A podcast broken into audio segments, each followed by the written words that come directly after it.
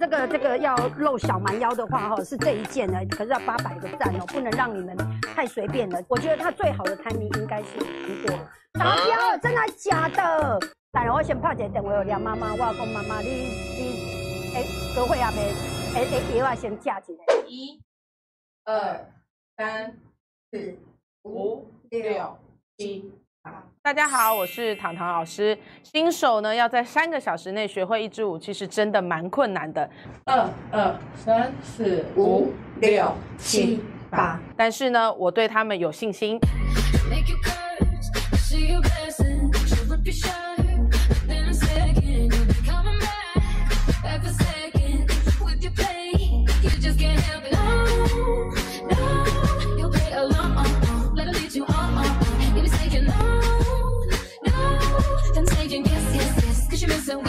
Oh, she's sweet, but a little you little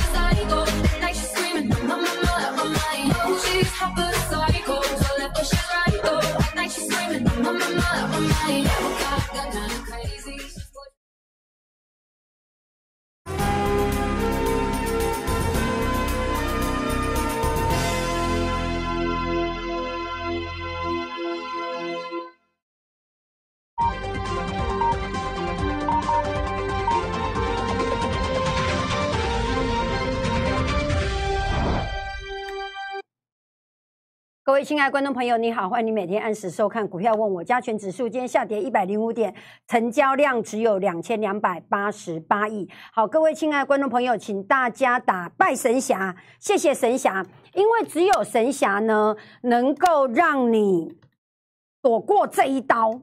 对，什么哪一刀？这一刀来哪一刀？这一刀从从一八六一九以来下跌的这一刀。我觉得这刀还蛮重要的哈，你知道那个礼拜天的时候，我跟小苹果，我看你们看起来那没有什么，对不对？超难的，超难的，快点快点，赶快拜神下，赶快拜神下。我跟你讲，只给你们看一次，等一下下午直播的人，我跟你讲，导播可能就把它剪掉了。赶快拜神下，为什么？因为我今天要讲我的动作，其实，呃，美拜吧，不错吧？那请各位再多给我们几次机会哈。请各位再多给我们几次机会，因为呢，因为呢，现在是三点零六，那我们这个粉丝团呢是三万六百人，对，然后呢，我就跟小苹果、跟小文他们讲说呢，如果我们到三点一，对我跟你讲，哎，我都觉得很奇怪，为什么是我跳舞给你们看？应该是你们要跳舞给我看呐，因为我诶我是神侠嘛，那你们要谢神应该什么？应该要你们跳舞给我看，怎么会叫神侠跳舞给你们看？OK，各位亲爱的，只有你是我们这个粉丝团的人，你今天才有心情开玩笑啦。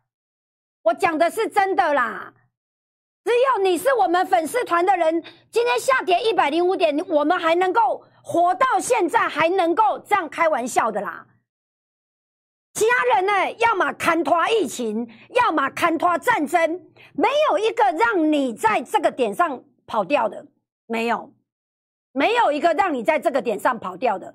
在这个点上跑掉，在这里翻空下来的。那么今天的收盘已经破一万七千点了。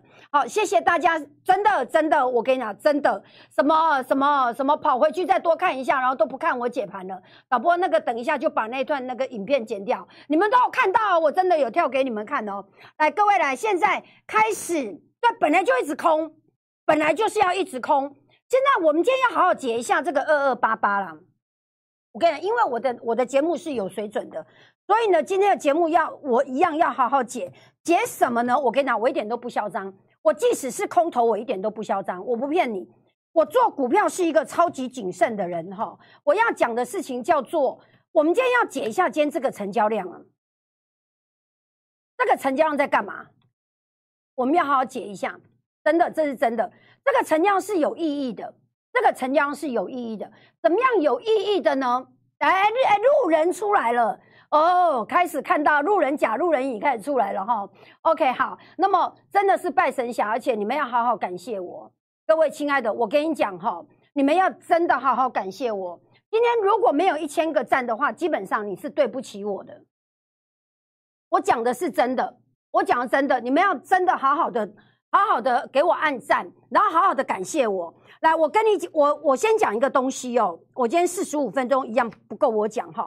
来，你现在所看到是科斯托兰尼，看这里哈，导播先给我一个镜头哈。科斯托兰尼，哇，哎，那要怎么？这里啊，好好，OK，好来。科斯托兰尼的方法是什么？它的方法是什么？不是一般散户的短线投资交易者所在看的技术指标，RSI 什么 KD 什么 MACD，它这用的不是这一个。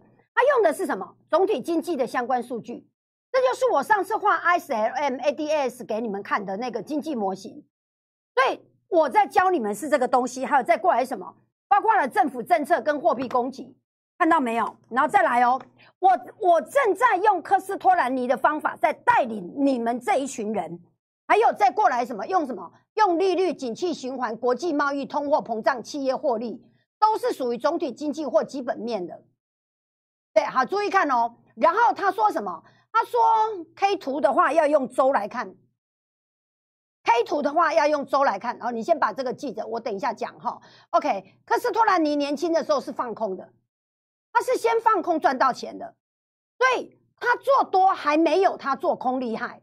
我再次重说，阿霞做空比做多厉害。科斯托兰尼年轻的时候放空交易，然后赚到大钱。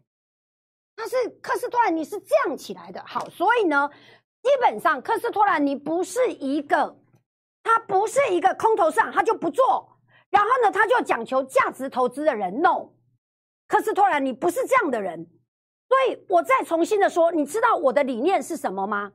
我的理念是我一直认为科斯托兰尼是我我我我要追随的人，他在全世界十个国家有资产，真的。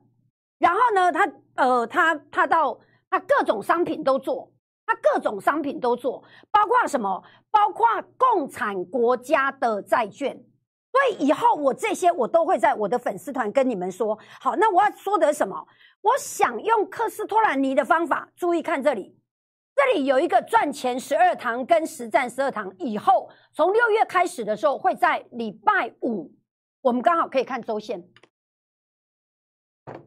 刚好可以看周线，也就是说呢，赚钱十二堂。我我的做法是这样，我会先教方法，然后呢，中间让我休息一下，大概一个一个半小时、两个小时，然后我马上帮你上实战十二堂。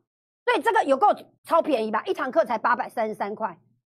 所以你们一直在刷八九九、一二九九、九九九，所以我一直要讲这个叫做便宜，这个叫做便宜。也就科斯托兰，你不是不看 K 线，不，他不是不看 K 线，他看周线，所以这个周线刚好是我们的赚钱十二堂跟实战十二堂，让各位可以了解我意思吗？你们今天很想问股票了，对不对？因为开始烧到你的、你的、你的、你的。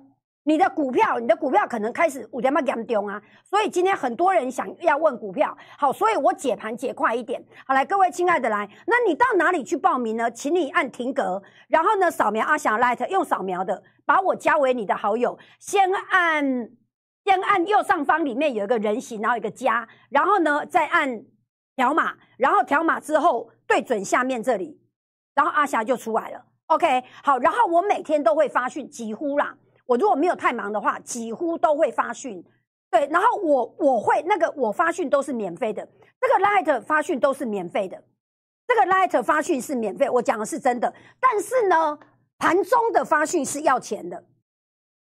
这是四月十四号，四月十四号是上个礼拜的时候，在这里，我预计四月二十号最后结算跌破一万七千点。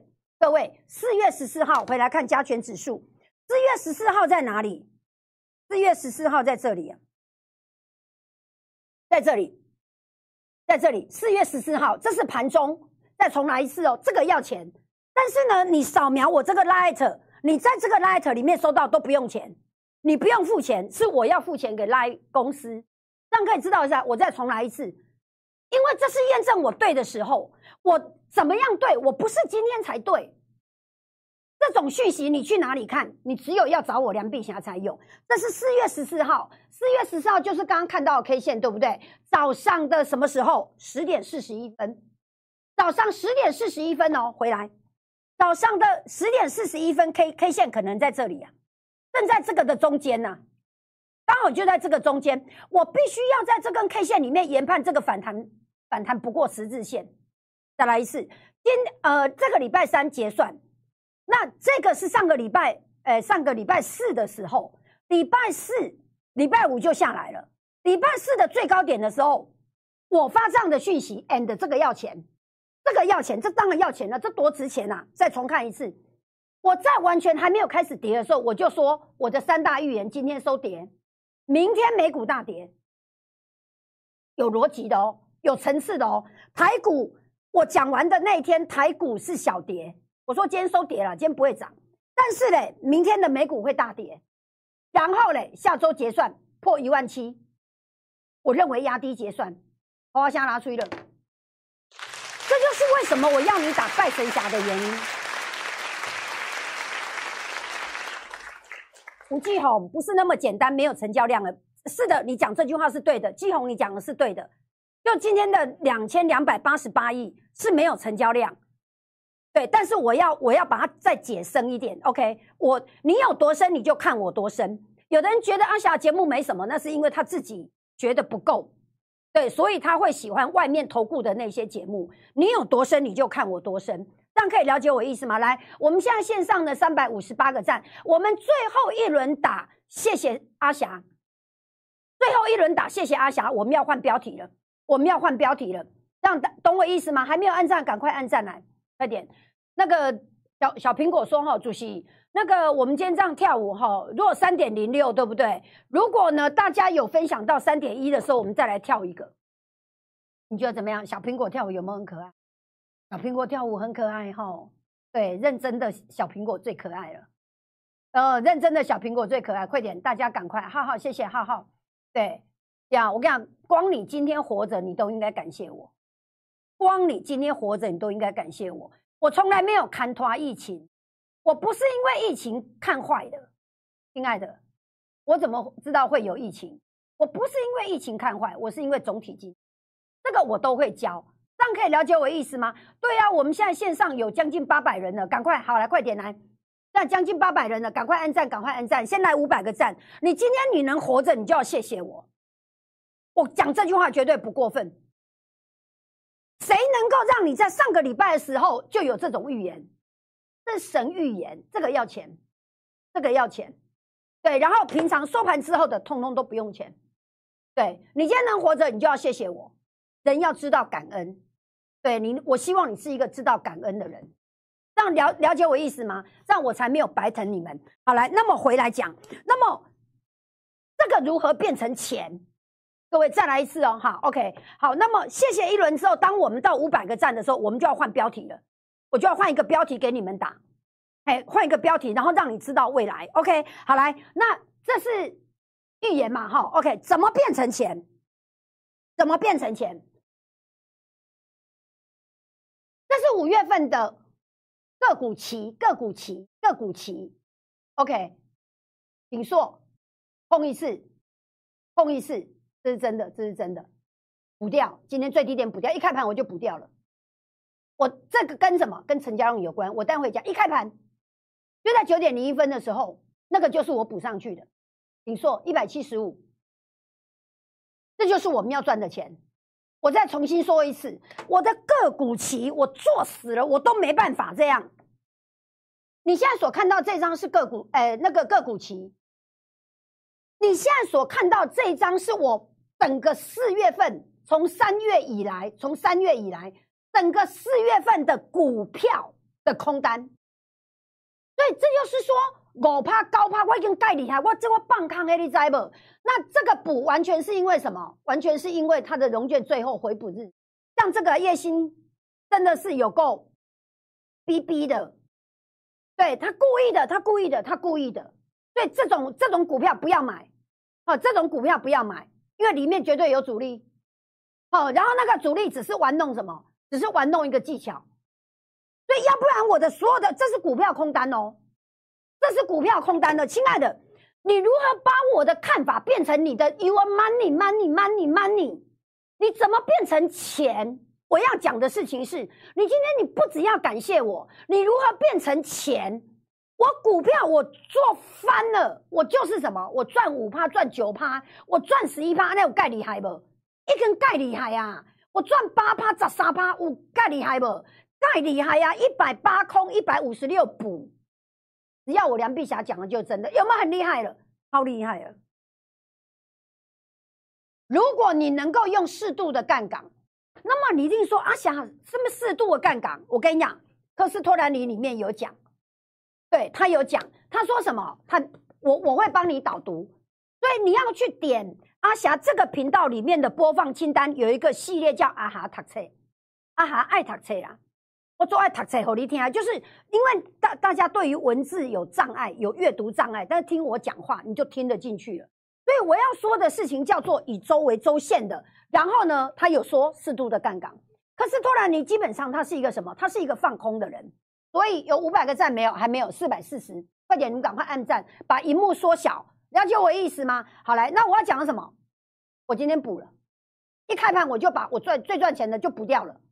我有放空联勇，有我放空，等下下来的时候空它补掉了十二趴，这就是什么？这就是不一样的地方。对，没方对啊！你们活到现在，真的是都应该感谢我。好来，那怎么变成变成那个钱呢？那个钱呢？我们先看一下好不好？指数的五月，五月份指数，这是这是指期，这是指期，你看到不？三十高趴十三趴，各位，全台湾全中华民国没有一个人让你看这样的操作绩效，没有，哦。因为这背出来，因为它百分之百真实，然后再过来讲完这个，你就终于知道了。广告空空，这是最高点在哪里？一哎，我没有空到最高点，最高点出现之后的一两百点，我确定它高点已经出现了，开始空五五三五零五二零三三零一路空下来，这两天补掉了。各位，四月份的操作里面。六十一趴，五十三趴，三十四趴，变成钱。要盖挂艺术吗？把五月份的我再空的时候，五月份的粪便就一起把它做掉了。看三月份，看三月份，这是三月份的子期，这是二月份的子期。市场是有能力的人拿走的，我有能力，请你来跟我，各位。你跟错人，你就完了。对我没有要你买软体，因为我认为不用买软体。对，不用买软体，靠我的趋势跟盘感，你就可以赚到这么多钱。这是三月、二月、一月，胜率九成二。好，回来看哦。我现在要特别特别带你看的是什么？四月份的这一笔，这跟今天的成交量有关。四月份的这一笔停损二一五二一五，各位。当你做期货的时候，如果营业员打电话给你叫你补钱，你不要补，让他断。对，这个这是真的，这是真的，这是真的。我有在里面讲，我我有底来宾讲，我我我底来宾讲几个技术的，那个技术的实上在百战百胜里面说了。我说呢，你做股票你都不会设停损，在这里百战百胜的子棋里面，百战百胜子棋。对，事实上他是在替你设停损，这样可以了解我意思。好，来回来看整个行情怎么变化，行情的变化是这样。我这一笔就是在这里，就在这里，我这一笔就在这里，认真听哦，因为没有人会告诉你这些。我在这里，两百一十五点刷掉了。那我得到的体会是什么？注意看它前一天的 K 线，这根 K 线量大，这根量大，认真听，这根量缩。我在找什么？找反弹点呢？量缩，亲爱的，今天补空单。再重来一次，我在讲今天节目的所有的重点。我们今天开始打一个标题，快点给我过五百个，我们要改了，快点来。叫做什么？叫做平安，我平安。真的，这个我觉得平安是最重要的。我活着，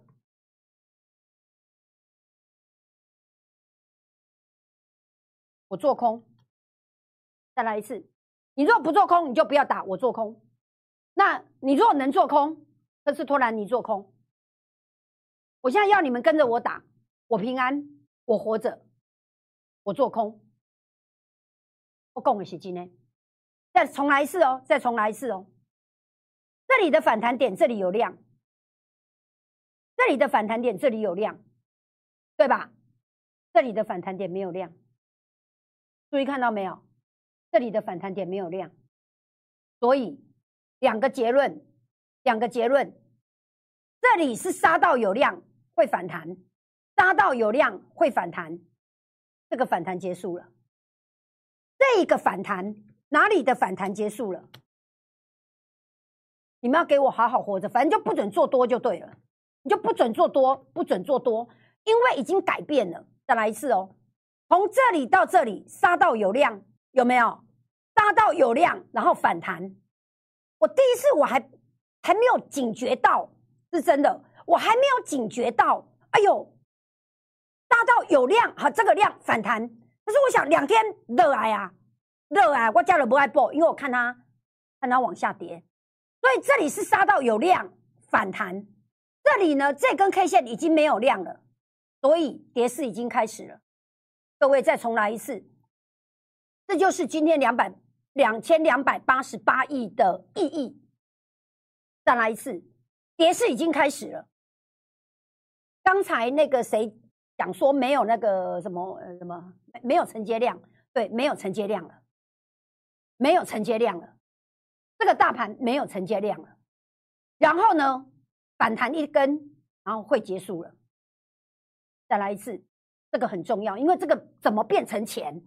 我现在我的空单回补了，我的空单回补了，我再重新说一次，我空单回补了，我空单回补了，我空单回补不是要翻多，我准备什么？准备最高点再给它空下去，再来一次哦。五月份，五月份的指数操作。你这你一定要会的啦！你如果不会的话，第一点爱你一定要会的。你不会的话，你这辈子就永远你就手绑在后面，然后长帮他妈厮杀，一定输诶！啊，你啊两手要拍无卡来，啊你了解我说，你这手了红北嘞嘛？啊北嘞要长帮抬，凊彩人来堵了，你就你就抓起来啊！所以呢，我要讲的事情叫做这个指数的操作，我今天回补了。回补的原因是什么？回补的原因是量缩的时候回补弹起来空，这个趋势已经变成这样了，这个趋势已经变成这样了，再回来一次哦。大盘没有人会这样跟你解哈，这里是两根大量往下杀，出现反弹，出现反弹，这一根已经开始没有量了，一天结束，一天半结束，有没有看到？所以嘞，反弹找空点。我要先拿出了，然后大家跟我报平安，大家跟我报平安，这个才叫趋势。我的意思就是说，趋势到今天为止确认是空头走势。我对了啦，我们对了啦，我们对了啦，我们对了啦，我们已经对了啦。这是一个跌势的开始啊，这是一个跌势的开始啊。先带你来看今天早上的，今天早上的为你读早报。对，没有底部现象，底部没没有底部量能，没有底部架构，有没有看到？没有底部环境，收盘是一七零零四，我认为一万七千点会破，破了之后变成头，一万七是中期投资人的停损点跟停利点，一万六千点是长线投资人的停损点、停利点，因为当初这样一路做上来嘛。只是我觉得停损在一万六太慢了，所以应该一万七一并中长期出场。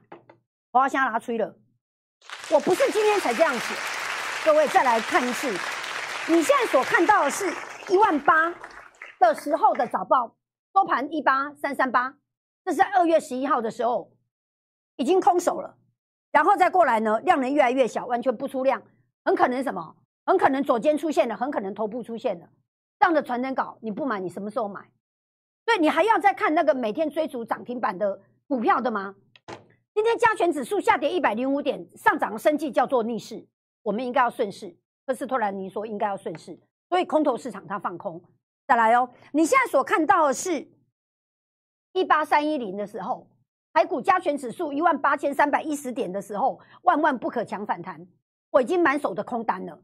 各位了解我意思吗？欢乐资金派对结束，欢乐资金派对结束，所有的股票都不可以买，会跌一千点，先看一千点。我写的那天的收盘是一八三一零，先跌一千点，所以是到多少？一万七千三百点。那今天早上写一万一万七要破了，这种传真稿，这种传真稿，我告秀哎，今天我告秀哎。当所有人都把目光放在台积电跟指数的时候，今年的一七五零零、一七七零零已经不是去年的一万七千五百点了。一万七千五百点，去年大家充满了热情，拼命拿钱往前冲，今年呢全部套牢。今年全部套牢，空头分两种，你不能做到放空，你至少要空手。各位，这是我在一七七四零的时候写给你的传真稿，今天跌破了一万七千点，破花虾拿吹了。跟我报平安，跟阿翔报平安。因为今天的成交量这么少，今天的成交量这么小，我们是在市场唯一活着的人。各位，你了解我意思吗？我们现在线上一千多人，我平均一天是一两万、两三万。我们是市场里面，假设你信我信到底的话，你今天我保证你绝对是活着的，你不可能死。但是我要告诉你，除了我们之外的其他可能全死了，所以才会两千两百八十八亿。所以这个大盘量缩往下破底，空单回补弹起来，给它做空下去，这是一个大盘的空的非常清楚的趋势。这个大盘没有底，没有底，底部还在很下面的很下面，很下面了，反正就很下面了。会有多下面呢？会有多下面呢？你们想知道会有多会有多下面吗？底部大探讨。你看完之后，你就知道有多下面了。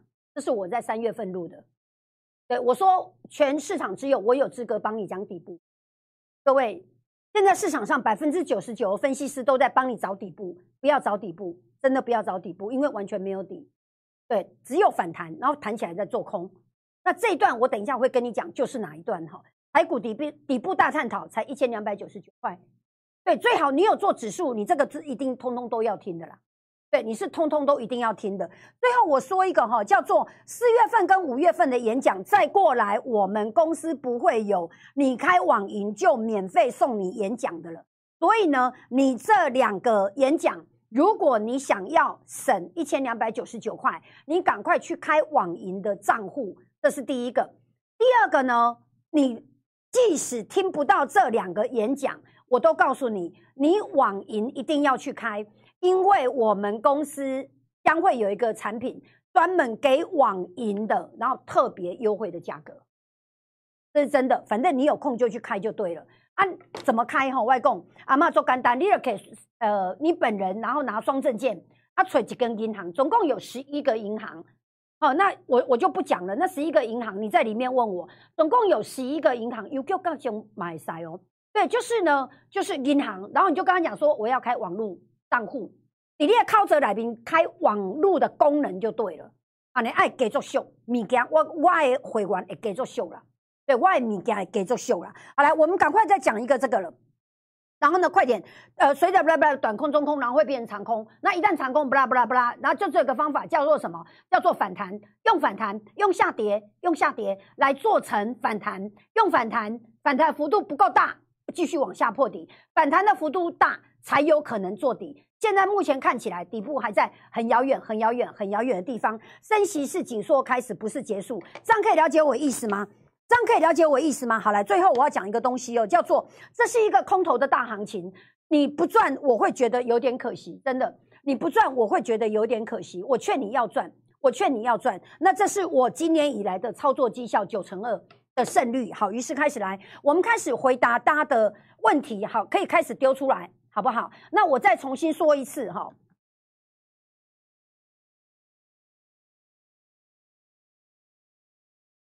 假设今天是月线收盘，假设今天是月线收盘，各位月线收在这里，几个月来的新低，一、这个月嘛，二三四五六七八九十，十二三十三个月，十三个月。上一次有这种头的时候是什么时候？对我讲真的，你们跟我报平安，快点，赶快报平安，然后赶快帮我按赞。没有我，你你活得了下次吗？这样可以了解我意思吗？我是全市场唯一把你这样带出来的。当你看到这种月线，尤其是月线，月线，注意听月线的时候，你有没有看到这个月线？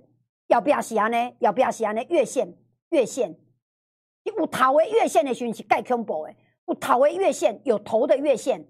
这叫有有头的月线，注意看这里，这个叫有头的月线。有头的月线是一件非常严重的一件事情，因为它是月线，一个月看一条呢，所以因为跟它一个月多几条 K 线呢，所以它的力量就很大，它力量就很大。你看这一根哦，一二三四五六七八九十十一十二十一十一个月，十一个月，所以。月线做成一个头部的时候，那是做恐怖的一件代志。啊，你了解我的艺术吗？各位来，请跟我报平安，然后说我平安，我活着。然后谢谢阿霞，我平安，我活着。我一定会把你们，我跟你讲，我我的想法是这样，我一定会把你们从最高点，然后放空到最低点，我再带你翻多了。我带你翻多，现在不能翻多了。我平安，我活着，因为我有成功的抄底经验了。我活着，对。然后谢谢阿霞。这很重要哦，谢谢阿霞。你如果能做空，你就做空了。我劝你做空了，对，因为呢，你到后来你才知道说行情有多大。那你如果不知道行情有多大，奇怪啊哈，那我心狠手辣，给我放空呢？哎，今晚呢空军大本营多得这个这个频道，这个粉丝团呐。我跟你讲，你如果怀疑的话呢，我跟你讲，你也听完这个演讲后，你就会知道。你就会知影讲，像那阿海要叫人叫人帮康，这无谈太可笑诶。台股底部底部大探讨里面哦，我讲的是真诶。你去诶，我的演讲好像这个好像只有四十五分钟嘛，对，四十五分钟，这个钱不要省，什么钱可以省？那这个钱一定不能省。你没有钱吃便当，你还是得花一二九九。我讲的是真的，我什么时候跟你讲过这种话？你没有钱吃饭，你还是得花一二九九要去听这场演讲，你就会知道为什么我一直叫你放空了，因为利润大到不行，利润大到不行。我我是完全的大空头了，我认为趋势才刚下来，对，今年是毁掉了，今年毁掉了，对，今年毁掉了。那你如果听多头，你就你就定了，就死定了，因为这里是紧多开始了，那会到什么样的情况？那我会翻多，我都会讲得很清楚。那这里是完全的什么？完全的空，你赶快空。对，然后要怎么样空才能够赚到最多钱？哦，我讲的今天这你看，这是这股票的空啦，这是这股票的空啦，啊，这是这个股企业空啦。你看到无？这四十三趴、十二趴、十六趴，这你不赚吗？这是股票的，啊，你边咧谈嘛？哦，很 OK 啦，很 OK，很 OK。五趴、九趴、十一趴，你困得去？很 OK 啊，这种呢，你来做做一口就好啊，一口的两单啊，的两两张啊，的两张啊，两张，然后再加上杠杆倍数啊，安尼尔啊，了解我的意思吗？对啊，我跟五股票都要开始呢，哎，才刚开始而已，这样可以了解我意思。好来，我们开始回答你的问题了，因为我相信很多人家一定会想说一万一万七要不要设停损？来，我们开始回答问题哈。美方问郁金光什么时候可以报仇？哦，对哦，我我啊，稍微讲一下，哎，有没有帮我做资源的那个空单呢？有没有帮我做资源的空单哈？我，哎，那个美方讲报酬两个字哈，呃，我先讲一下，报酬是安尼哈，报酬这件代志是，因为你知道我的个性嘛。我的个性是会报仇的吼，那要安怎报仇，绝对毋是参人相拍吼，啊嘛毋是参人相骂吼，啊用偷空吼，啊用用那智慧吼，对啊，包括叶星我嘛一定会报仇的，啊毋过呢，咱咧报仇爱有啥？爱有咱的技巧吼，所以呢，迄时阵这真的，这是真的，迄时阵我感觉讲啊这边上不去了哈，哎真的这是真的上不去了哈，那我就被嘎上去了，那，我我我就在这里做空，这是真的，这是真的，我就在这里做空哈。那尤其这种 K 线，我看起来都觉得，哎，贵刚热不热啊？赶快上影线再加黑 K，啊，就赶紧那绑了啊那样，就真的，这是真的，真的。啊，红大起了，我我也会完工顶前，因为咱够够往过的时间，所以呢，我在三百零五放空哈，三百零五加空，这是真的，这是真的。然后我就跟他们讲说呢，之前有放空的人，你这口你你现在你现在这个三百零五一定要放。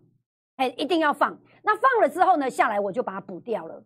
啊，我的舍弃啊，平手了，对吧？好，OK，好来。那我要讲的事情，我报我报仇，我哦我我做爱报仇诶。你知道为什么吗？成功是最好的春药，你的成功就是最好的报酬。所以呢，咱不是要找人相拍，咱是要拿钱爱弹起来，和家己更加成功吼，就是报仇。我自愿在这里放空，这真的，我几乎空到最高点。几乎空到最高点，为什么几乎空到最最高点？我教你们看哈，我教你们看，这是为什么大家喜欢上我的技术分析？跌破月线反弹，月线不过哈，所以我就在这里放空，空到最高点，空到最高点。哎，这是今天，这是今天啊，然后嘞，下来了季线了，对不对？好，今天开盘在这里补掉了，我要先拿出了，安尼叫做报仇，我安尼报报仇先攻啊！这边的最高点在哪里？哈，这边的最这真呢？这边的最高点在二九二哈，这边在二九二哈。这里一开盘的是真呢，这边的一开盘多少？二六零哦，二九二二六零哦，三缸十五块，嘿，啊然后放几连两张啊，三万块就要弹起来，啊那个报仇先攻啊，就这样子，股民的报酬就是这样哈。好来，那我们讲一下哈，那玉金光的报酬哦，这个因为它的融券最后回补日。然后回补日之后，这是我们制度上的那个，我也一直不知道为说为什么股票不能够克服那一种，他开为什么他开股东会我们要回补，我一直不懂，对我一直不懂为什么开股东会要回补，这跟那有什么关系？对你如果说配息不知道钱要给谁，那我觉得可能还有个道理，那可是问题是嘞，要要前几天回补五天七天。因为等那不是很发达吗？为什么要到五天七天？所以这种制度哦，就是让有有机人士可乘，你知道吗？真的啊。然后我们空单就一定要在这里回补，回补完之后呢，他再给你杀下来，他再给你杀下来。所以这制度的不公平。那因为制度的不公平呢，所以我就用个股期，个股期没有融券回补的事情。对，然后呢，配股配息，个股个股期也没有这件事情。配息上没有问题，下来我连我波很金毛利，所以就比较好的好好的工具了哈。好来，那个美方问说，那个郁金光当时报行哦，在随时让我当报喜哈。我跟他等他打开，等等郁金光打开就就可以报仇了哈。OK，这样可以了解我意思吗？我们来看一下六四一四的买在两百四怎么办哈？会解套。我我我我讲一下哈，有几种股票是这样，有有几种股票是会一路破底的。那有几种股票呢？是盘盘之后破底的，对，这个要上太难了，因为这个反弹是没有量的，这个死亡交叉下来了，这个季线下来了，对，都给他时间，他盘一盘是会下来的，对，所以嘞，可以解套吗？两百四比较难的，两百四在很高的很高的地方嘞，有时候我们在砍的，在设停损的那当下，你的心痛跟我的心痛是一样的。可是那时候我讲说呢，你们我们到个股期，我们到指数里面，我负责帮你把钱赚回来。嗯，就那那时候我不是这样讲吗？我们去把钱赚回来。对，然后我砍猎去，我在报喜完了。你看，就两百四，你看过去了两三个月，一直到现在，这样要两百四很难呢，很难呢，不好意思啊，拍谁了哈？郑小姐，拍谁了？对，真真的比较难了。华邦我怎么做的哈？华邦我在这里空，然后在今天补掉了哈。对。我讲的是真的，华邦呢，我在这里空哈，我好我好像是空在这里吧，忘记了，就因为那时候它不能空啊，因为那时候它的那个融券回补的日期还没打开，不能空啊，等到可以空的时候，它的加了热癌，然后热癌，我今天空单把它补掉了，这是真的，这是真的，再来一次，然后我今天空单把它补掉了，我补在哪里哈？我好像补在二十七块吧，我忘补平盘还多少，忘记了，反正就我我在早上我就抠补了。为什么？因为今天的成交量是二二八八，二二八八，我补空单之后弹起来再重空哈，我再重新的说一次哈，各位来空单绝对不是呢啊，然后因为啊哈跨康，所以你所有股票拢啊来绑啊来绑，那这样子不行的哈。放康是有技巧诶，所以呢，我今天空单回补，是因为因为它弹起来，我们更有力量给它空下去哈。好，那华邦呢，我二十七块半哈，那所以呢，我放康底二十二二十八啊，我这二二十八块八啊，二十九块，然后今天补空单了。然后呢？那什么时候再再空呢？我跟你讲，你来上课，真的是你来上课。为什么？因为它这里要有一个反弹，会不会有反弹？不知道，搞不好就压在五日线，搞不好压在十日线。所以那个空点，我要讲的是空点，空点，空点跟买点，它是有技巧的。这要跟你们说吗？就就就我的意思就是说，时间有一点不够了哈，时间有一点不够，空点跟买点是不一样的哈，就是不是所有的你的买点，你只要有钱，你要傻嘞呗，然后呢，时间盘一盘，它就上去了，对，这是买点。那买的好，对，买的好，两三天之后它就出去了。那它股票要发动之前，它会有现象，对，所以呢，就是那个买点会出来，那。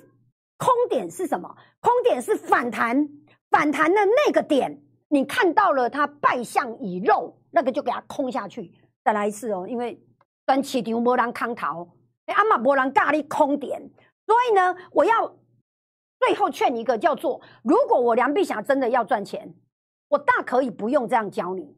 我梁碧霞如果要赚钱，我给他当初我放个台台积电破六百的时候，我随便给他放个四张。我都能赚很多，各位，所以呢，我要你去学空点，那个空在空在哪里？哈，空在那个反弹那个高点，因为空最好是不要再继续上去。你空到那个点之后，雄厚一它就慢慢滚下来了，连滚带爬一直滚下来，这样你就会比较爽了。所以这样可以懂我意思吗？我要你去上课了，就是那个是空点，要把那个空点找出来了，哎呐啊，所以。那刚才那个陈小姐问说华邦，刚问华邦嘛，对不对？问华邦二十九块会不会解套吗？比较难的，你不要摊平，不要摊平。导播回来电脑，回来电脑，回来电脑。对，好了，不要摊平。对，先让它做反弹，反弹我看形态再说。你现在什么都不要动。但是呢，如果再跌破，如果再跌破今天的低点的话，你必须要先出来，因为你二十九块才亏一层而已，你没有理由不出来，你才亏一层而已，你没有理由不出来。现在亏两成、亏三成的都在砍，你只有亏一成而已。所以你在高空，唔怎样单框买下来，但是你你要盖外一数啊，反正这里没有买点呐，这里只有反弹，或许会反弹呐，只有反弹点呐。OK，好来，那再过来东碱，东碱不是前一阵子们大家都很爱很爱讲吗？我是不会买啊，我我真的对，因为我觉得逆势嘛，我不会买。那神霞还可以买，我那我可怜叫你买哦。哎呀，我可能叫你放空啊！我讲会真的啊，我讲会真。来，Allen 姐姐教你哈，我告诉你哈，这种 K 线呢是这样，今天涨停对不对？它这根量比这根大，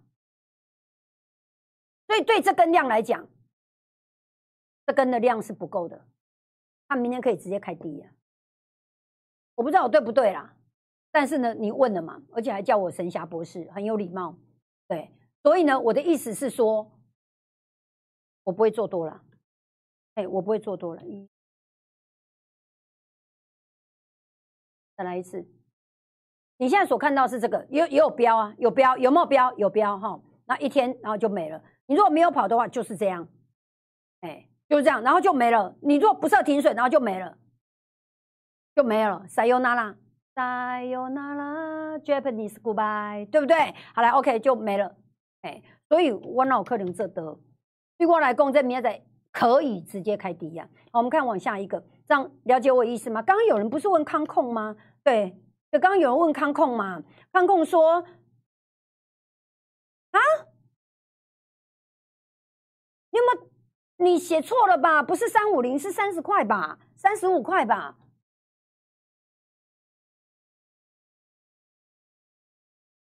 陈先，你有怕唔掉的不？赶快，你赶快，赶快浮出水面更正一下。你看空三五零啊？你看空成本三五零，然后十四张，然后现在跌到剩二十三块，啊，这这问神啊啦，这不是问我啦，这存无一成嘞，再存五趴，存这存七趴。你的我我觉得你均价应该是写错了啦。那如果真的三五零，你也不用问了啦哈。那三十五，我们来看一下三十五有没有机会啊？三十五连三十五的机会都不大。我讲真的，连三十五的机会都不大。来，为什么不大哈？因为这里有连续五六个跳空缺口。注意看哦，这里有连续五六个跳空缺口，这个反弹呢，基本上就是最高点了。反弹的隔两天就是最高点了，这是非常标准的什么崩盘之后的盘跌这种盘呢？对呀，请问老师要不要砍嘛？你为什么不早一点来问？对呀，你如果之前有听我的演讲，我曾经有讲啊。对啊，我之我之前有一个，我进前有一个迄个啥，有一个迄个迄个迄个，一听我演讲的人问我康控，对啊，迄群一伫家，我讲的真的，你去听我演讲，忘了我哪一场了。然后呢，他跟我讲说他有一百张了，他跟我他跟我讲一百张，他说这怎么办？那我跟他讲会破底啊。他问我这个是不是底？我说这个不是底，我说这个不是底，真的。那时候我记得好像在这里，我我在这几天演讲的啦。然后他就问我，他说：“啊哈，我有康控几把丢？”我说：“只有几把丢哦。”好了，我救你啊，这个会破底，真的，这是真的，这是真的。他隔天把它全部杀光了，对啊，他隔天把他全部杀光了。哇塞，底基的更小，他就来听演讲哦，开高八高十高科，老婆婆先拿吹了。我讲的是真的啊！那一天呢，我我伫路边看到一个阿嬷，啊坐伫路边，然后我然后嘴唇发白，啊戴姐坐伫路边就对，然后经过我讲阿嬷你安怎？我讲伊讲我心脏跳足紧的，我用要喘气喘袂过来。我讲你忙困去哦！我跟你讲，我俩伊的手，我讲的是真的，我俩伊的手，我俩伊的手足粗了对，阿嬷足可怜的，我对中间那语了。我大力来记了，你若在心中嘛？我大力来记了，大力来记了。我讲你记了哦，记了哦。真的，我真的帮他按了一下。小姐，你人做好的呢？对啊，伊伊迄个身体很不舒服，伊跟那讲讲，伊讲小姐，你人做好。我讲阿妈，你忙困去哦，嘿，你忙困去哦，吼，保持清醒了对啊。我去遐全脸哦，买一罐迄个猪跑。呀，开开，阿妈，互你啉。讲啊，这啥？我讲这电解质啊，这电解质啊，你有法度啉半罐，你人就好啊。各位，破声拿吹了。谁谁有听到那个蔡思安？你有听到我演讲康控的这一段吗？是不是有人真的问康控嘛？对不对？我记得好像就在这里嘛。我叫他砍嘛。我们是礼拜五的演讲，对他礼拜一把一百张全部砍光了。对，沙钢哦，大崩盘了。各位，我当下过来 N 杠哦，九九九，你都不要觉得我在跟你收钱呢，我是在救人呢。这样子是三百五没有错，Sam，你有没有搞错啊？对啊，哦，陈坤哲说，如果还能来问，那应该还活着，其实也不用帮他解了，是不是？现在没什么大事了。就你们做股票要有这种概念呐，那你们也不要笑别人呐，那你们也不要笑别人呐。三百五能够跌到二十三块，各位。今天节目可以结束了，就用这个来做 ending。你今天讲的出来的都不是底部。再来一次，我们刚刚在讨论康控三百五，没错，康控三百五跌到二十三，这是真的，就就就发生在我们这里的例子啊，对不对？对，有人叫我主播哈，见证呀，愿意有人见证的，这样可以了解我意思吗？你认为底部在哪里？我是希望你能做空，我是希望你能做个股期，我希望你能做指数，因为科斯托兰尼就是用这样子人生翻身的，对，犹太裔，对，用什么起来？各位亲爱的，我再重新说一次哦。那刚才我解盘的都已经解过了，那今天也跳舞给你们看了，那个跳舞的片段到晚上就会剪掉了。哎，对啊，所以呢，我希望大家跟我，呃。阿霞很有诚意，我做任何事情都非常的有诚意，然后做任何事情都非常的认真。那我认真的跟你说几件事情。第一件事情呢，这里是一跌下来是惊天动地的事情。那我也不希望呃它跌下来，我是因为没得做多，所以呢我才做空。这一点你一定要先相信。我是因为没得做多，我才做空。那我在每一次的量缩下来，我空单回补，对，弹起来再空。我希望你的呼吸节奏，对你的思考能够调整成跟阿霞一样，这波我们会赚非常非常多钱。外面市场上分析师要教你从这里摸到底部，太困难了，太困难了，因为会都错。只要你手伸出去，你的手就会被剁掉。这是我对大盘的看法。那呃，操作。谨慎小心，好不好？各位亲爱的，来，请大家跟我报平安，然后我们冲到八百个赞，然后今天的节目就结束了。我来点名来，叶董，叶董说阿霞讲的是真的，我见证，就看空嘛，哈，对不对？好，来，域名的空单要不要先回补四四月份的空单？域名的空单哦，我们明天早一点来问，好不好？来，各位亲爱的观众朋友，来给我按赞来，现在六百五十二个赞，来。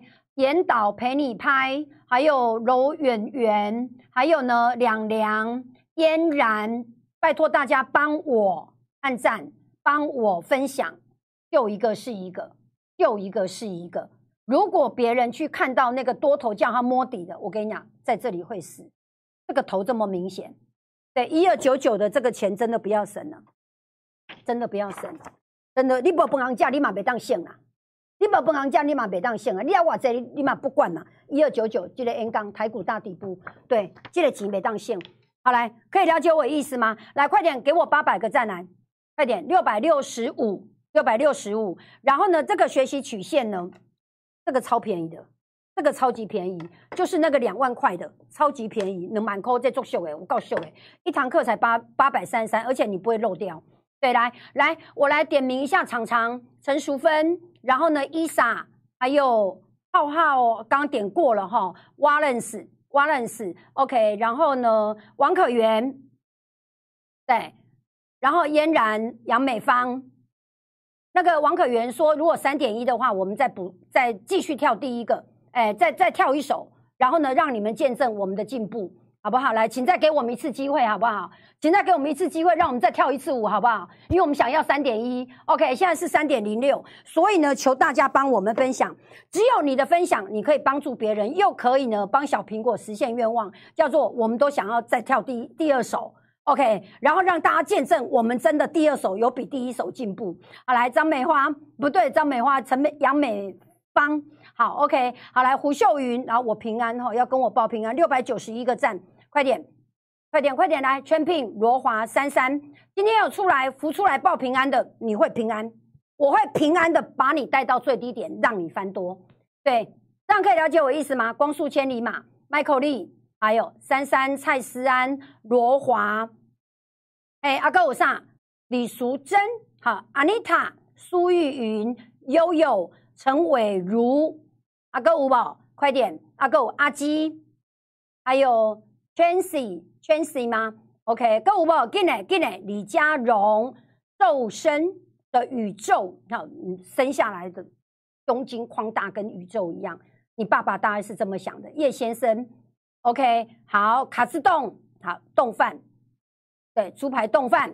阿哥五宝，进来来，Coffee，Coffee Lee，Coffee Lee，你开咖啡店吗？好，李怡山。薛佩瑜、吴秀云、王建华、陈美、陈美惠，还有 A B C，还有徐秀美，够不？王建华，对，被我叫到名的，我很少这样叫名哦，我很少这样唱名哦。今天被我唱到名的，你会活平安的活到底部，我底部再来翻多，我底部再来翻多，可是那是很下面的，先把这一波的空单做完。这样可以了解我意思吗？王秋平、李丽云、小叮当、王建华、李 L E E 李李天文，还有张梅花，够不？进来，Guy Guy Lin Guy Guy Rin K Y R I E 那个字怎么念？我等下查一下。Guy Rin 张春梅张梅花，如果你一直浮出来，我一直没有叫到你名字，你不用管别人，你就一直洗版。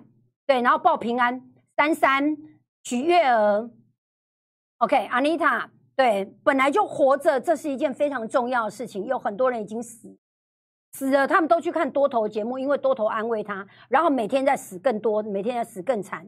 有一天他看到阿霞节目的时候，会万叹公霞那董初龙没看到阿海这部，不这人的命运是安呢。所以我求分享，是因为我们救一个算一个，勇往直前，还有刘心杰，对，S A，还有如小叮当、全聘、徐秀美，今天被我叫到名字的人，你会红。你会平安的躲过这一次的股灾，这就是股灾啦，这已经是股灾啦。台积电才跌一块，大盘跌一百多点，台积电没有跌，代表什么？其他股票拢死啊，都刚做差没啊？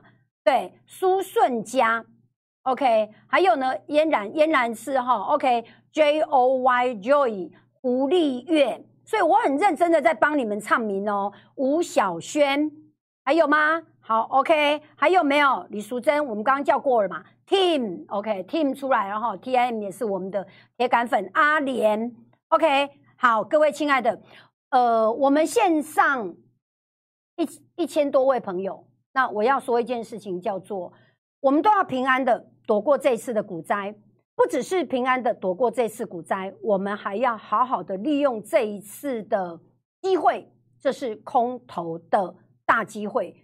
用它赚到我们该赚的钱，至少要帮你把你多头亏掉的钱要先赚回来。这就是我对我的期许，我对你的期许，跟上脚步，而且永远告诉自己，阿霞不一定对，只是没有错过。阿霞如果没有对，阿霞一定会对。